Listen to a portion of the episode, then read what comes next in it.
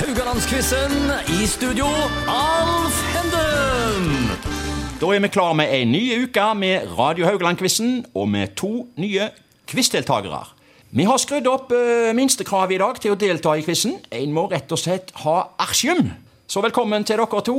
Tor Inge Westerlund, sosiallærer på Harasvang ungdomsskole, og Terje Tveit, sosiallærer på Håvåsen ungdomsskole. Takk for det. Først av alt, hva innebærer det å være sosiallærer? Tar du den, Tor Inge? Det er jo en uh, fantastisk uh, spennende jobb, der vi er borti hele spekteret.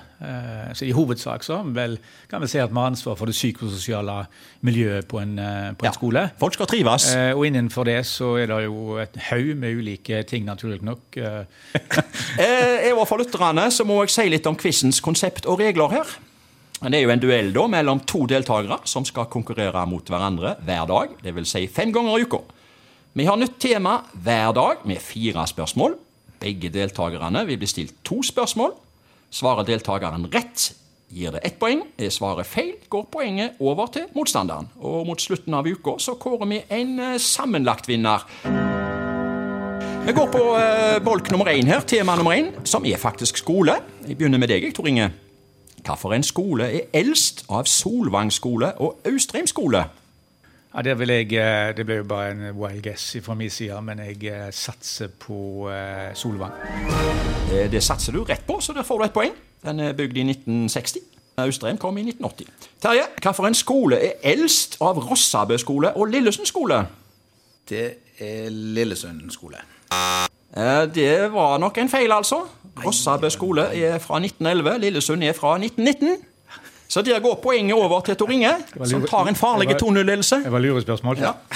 Du hadde gått på den, du òg? Jeg hadde gått på den. Eh, du hadde det, ja. Ok. Eh, Tor Inge får det neste.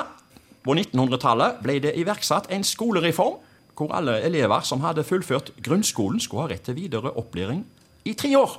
Hva var navnet på reformen? Du skal få tre alternativer. Var det A. Reform 91, B. Reform 94 eller C. Reform 97? Jeg satser på Reform 94. Det satser du helt rett i. Det var Gudmund Herneste som var utdannings- og forskningsminister. Um, og Reform 97 det var jo en lovfesting om skolefritidsordning, mens um, Reform 91 var bare noe vi fant på sjøl. Så du svarte helt rett. En 3-0-ledelse, altså. Terje, du får det siste spørsmålet i dag. Dette handler om avstraffelse mot elever som ikke har oppført seg så bra. F.eks. Eh, bli sendt på gangen. Blir det gjort i dag? Blir elever sendt på gangen? Ikke med mindre det er helt nødvendig. Nei. Rød lapp, da? Får de det? Det kan vanke. Det kan vanke? Ja. Skammekrok, eksisterer den? Nei, den er borte. Den er borte, ja. Ok. Eh, I virkelig gamle dager så var det tillatt med fysisk avstraffelse mot elevene. ja, Og en gjenstand ble brukt som ble kalt spanskrør. Nå skal jeg ha svaret på spørsmål her. I hvilket år ble det forbudt å bruke spanskrøret i skolen? Trenger du alternativer? Jeg hadde gått for 1936. du hadde gått på den? Ja. ja. Det er helt utrolig. Du tar den uten alternativ. Det er, det, det, det er nesten dagens skrell, altså. Eh, etter dagens øvelse holdt jeg på seg, så leder Tor Inge med 3-1. Um, ja, Terje tar retning skammekroken her. Ligger unna.